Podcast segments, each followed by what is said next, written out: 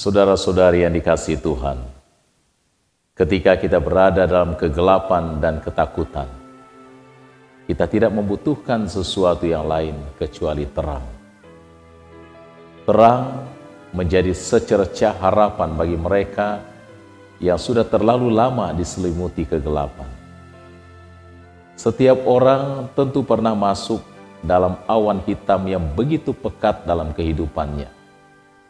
Misalnya ketika dokter berkata kanker ganas harus dioperasi. Kegelapan yang sama menyelimuti ketika perceraian yang tidak dikehendaki menjadi kenyataan ketika harus melihat kenyataan bahwa sosok yang terbujur kaku di peti mati adalah orang terdekat dalam hidup kita, bahkan tumpuan hidup kita. Ketika mendengar laporan bulanan bahwa bisnis kita terus merugi dan diambang kebangkrutan, kegelapan yang sama kita alami ketika kita membayangkan masa depan yang tidak menentu. Kuatir karena belum dapat jodoh, berkelahi karena perebutan harta warisan orang tua, karena persoalan keluarga yang tak kunjung selesai, cemas karena usia tua. Saudara-saudari yang dikasih Tuhan, kita tidak menyukai kegelapan. Kita sama sekali tidak tertarik dengan awan hitam pekat namun apa boleh buat, ia datang seperti tamu tak diundang dan mengobrak-abrik hidup kita. Ritme hidup kacau, emosi turun naik tak terkendali. Suatu kehidupan yang benar-benar melelahkan. Kegelapan ini kerap membuat sebagian orang menyerah dan putus asa. Dan bila kegelapan ini terus menghantui kita, saat ini Tuhan mengajak kita supaya jangan takut. Pesta Natal bukanlah pesta yang membawa kegelapan. Pesta Natal adalah perayaan sukacita, harapan, dan damai.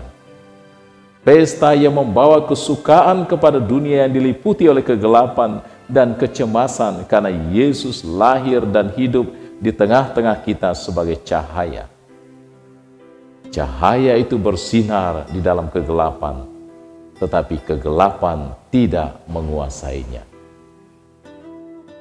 Karena Yesus lahir sebagai cahaya, maka ada banyak perhiasan Natal di rumah, di kantor, atau di jalan-jalan yang terdiri dari lampu berwarna-warni bergambar bintang yang bersinar dan kartu-kartu Natal dengan cahaya gemerlapan yang kemilau. Hal yang sama muncul di Bethlehem, di tempat kelahiran Yesus. Di sana kita menemukan sebuah lukisan bintang di tengah-tengah kandang. Mengapa dalam bentuk gambar bintang Tuhan lahir sebagai cahaya?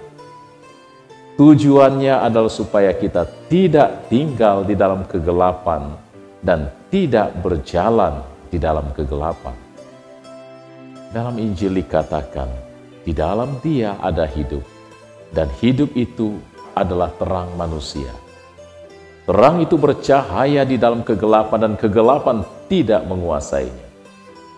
Cahaya Yesus bersinar begitu kuat, sehingga kegelapan tidak mampu menguasainya dan krisis kehidupan tidak sanggup mengalahkannya. Sebab itu hanya dengan menerima Tuhan dan mengikuti cahayanya, kita akan mampu keluar dari krisis hidup yang menekan. Dengan cahaya sabdanya, dia akan membuka jalan pikiran, jalan perasaan, dan jalan kehendak kita untuk mengatasi krisis dan kesulitan yang kita alami. Sebab itu saudara-saudara, terimalah Yesus di dalam hatimu dan ikutilah cahayanya dalam hidupmu. Sebab dia setia dan karena itu ia tidak akan membiarkan kamu dicobai melampaui kekuatanmu. Pada waktu kamu dicobai, ia akan memberikan kepadamu jalan keluar, sehingga kamu dapat menanggungnya.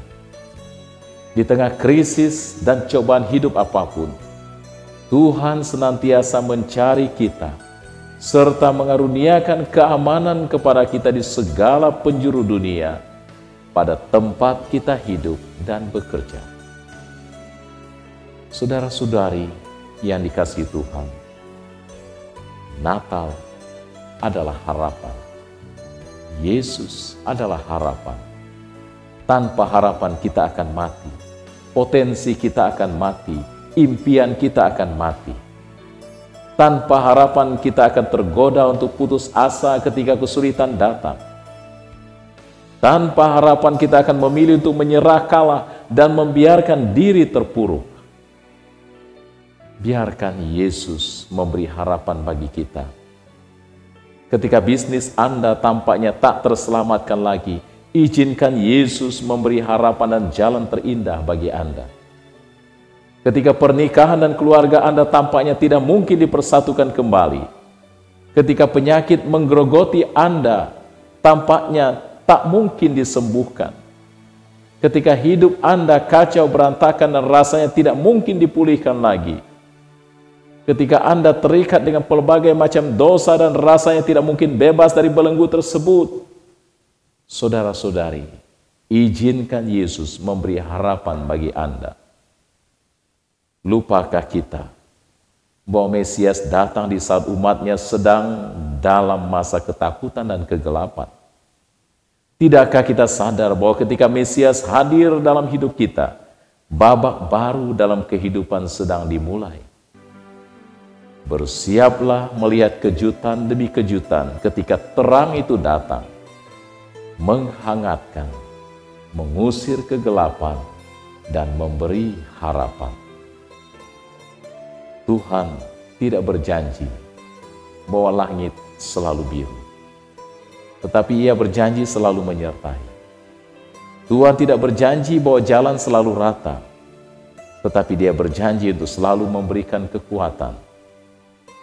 Jangan takut, jangan pernah menyerah dan jangan berputus asa.